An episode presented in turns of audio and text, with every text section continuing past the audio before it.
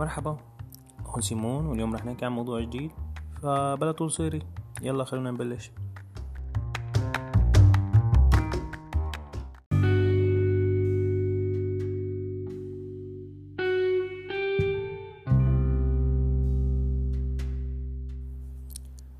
الأرض بيقولوا مرحبا بيردوا عليك السلام عليكم بيقولوا لك good morning بيقولوا لك ألف طريقة للسلام بس كل طريقة مرتبطة بثقافة الشعب.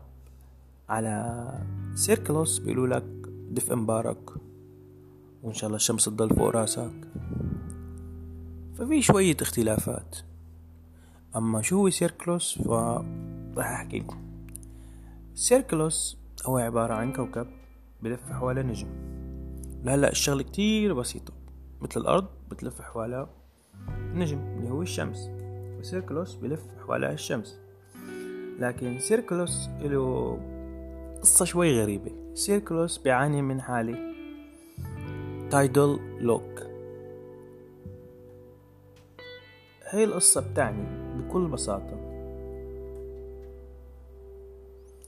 إنه الوجه المواجه للشمس بضل مواجهة. والوجه مش مواجه للشمس بضل ابدا ما ما بيجي عليه شمس. مثل قصة القمر و... والأرض ليش نحن ما بنشوف غير وجه واحد من القمر. في حركة تزامنية بحيث لما بتلف بلف سيركلوس بضل وجه واحد مواجه الشمس.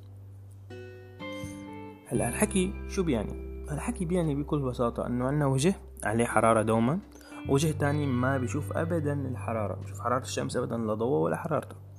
هذا أدى إنه عنا الجانب الخلفي من سيركلوس هو عبارة عن جحيم متجمد.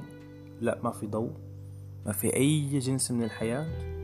أما الجانب المواجه للشمس فهو عبارة عن صحراء قاحلة ودرجات حرارة خارج نطاق الحياة. لكن هذا أدى لقصة. هاي القصة تعتمد على انه نقطة الالتقاء ما بين هدول العالمين العالم الجحيمي والعالم الجحيمي الساخن والعالم البارد خلق دائرة دائرة من الحياة. لأنه هون بيصطدموا هالعالمين وبيتعادلوا نوعا ما بصيروا خالقين للحياة. ومن هون إجت السيركل والسيركلوس هي الاسم اليوناني أو عفوا اللاتيني للسيركل للدائرة. فهي قصة تسمية كوكبنا.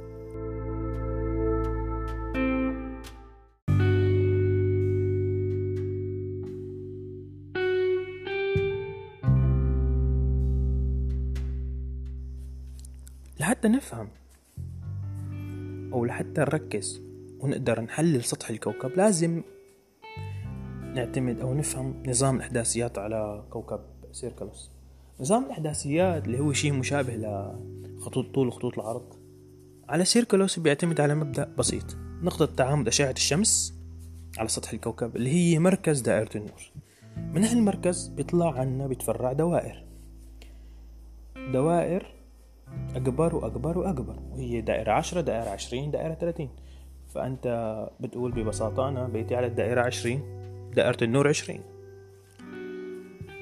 النقطة الثانية اللي هي أنصاف الأقطار. أنصاف أقطار أنصاف أقطار دائرة النور. عملوا أنصاف أقطار تبعد كل نصف قطر عن الثاني بدرجة خمسة. فأنت ما بدك تحدد بيتك أو قارتك أو أي شيء. بتقول أنا عايش على دائرة النور. عشرة نصف القطر ثلاثين. وأخذوا مركز أو بداية أنصاف الأقطار. كان هو خط عبور القمر على. أو ظل القمر على الكوكب. وهيك بنكون حددنا نظام الإحداثيات على الكوكب.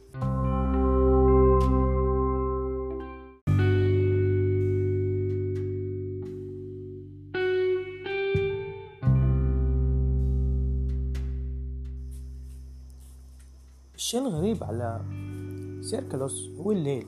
الليل بيتشكل على سيركلوس من إنه القمر بمر بين الشمس والكوكب وبيرمي ظله. هيك آلية تشكيل الليل على سيركلوس بما إنه اتفقنا إنه في عنا وجه دوما مضيء ووجه دوما مظلم. هاي الآلية أعطت أهمية جدا للأمر فنحن على على سيركلوس عندنا جماعتين دينيتين بدائيات. اللي بيعبدوا الشمس واللي بيعبدوا القمر. اللي بيعبدوا الشمس كانوا يقولوا إنه كل الحياة بدأت من الشمس. واللي بيعبدوا القمر يقولوا إنه صح الحياة بدأت من الشمس لكن الهلاك بدأ أيضا. كان لابد من إله خالق وحامي للبشرية اللي هو إله الأمر اللي هو لولا الظل بيرميه على الكوكب ما كان قدرت البشرية تستمر.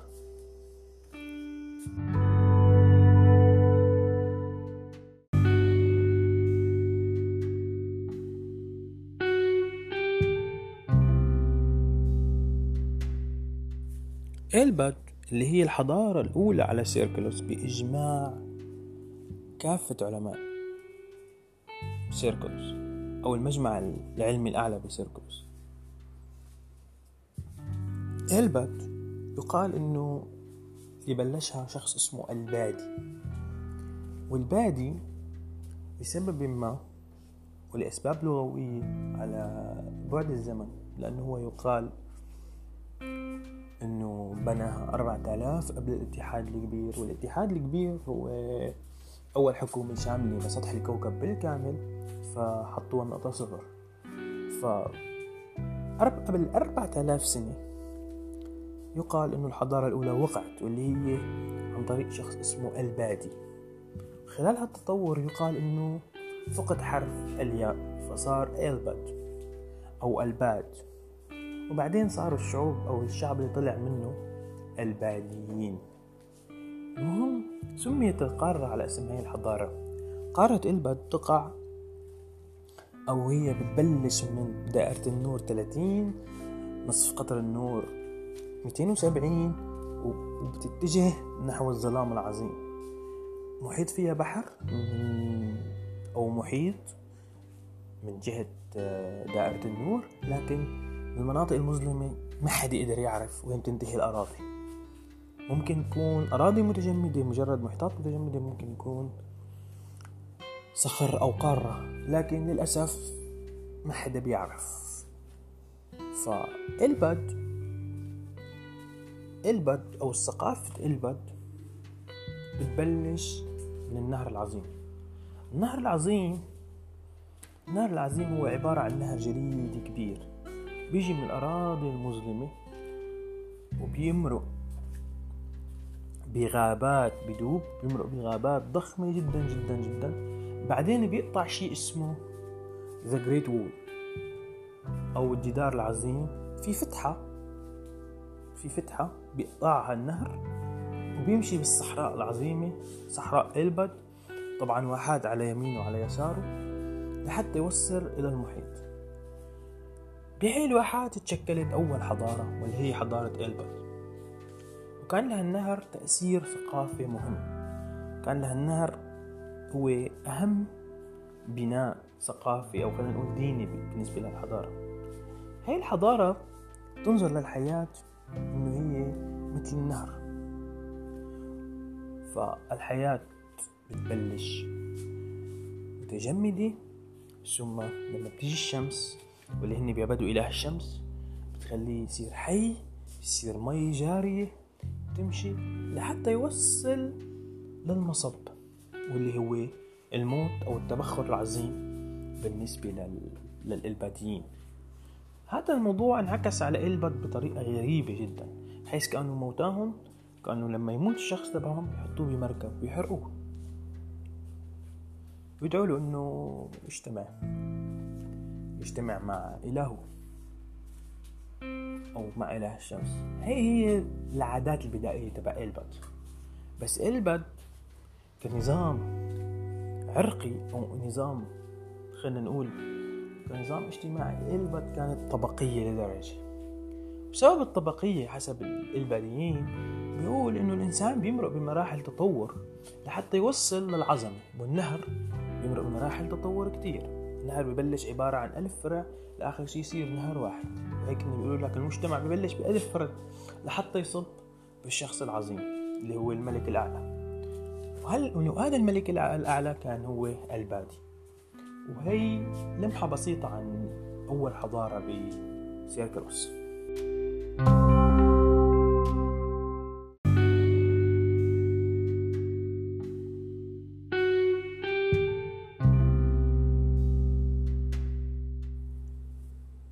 شخصية أو لازم نذكرها عن إلباد هو شخصية العالي. العالي يعتبر أول إمبراطور حكم سطح سيركلوس بالكامل أو هو اللي سيطر على سيركلوس بالكامل اللي هو أدى للتوحيد العظيم سنة صفر. ومن بعدها ومن بعدها صار في حكومة عالمية تحكم كل آه، سيركلوس. البادي شخصية كتير غريبة وكتير لها قصص.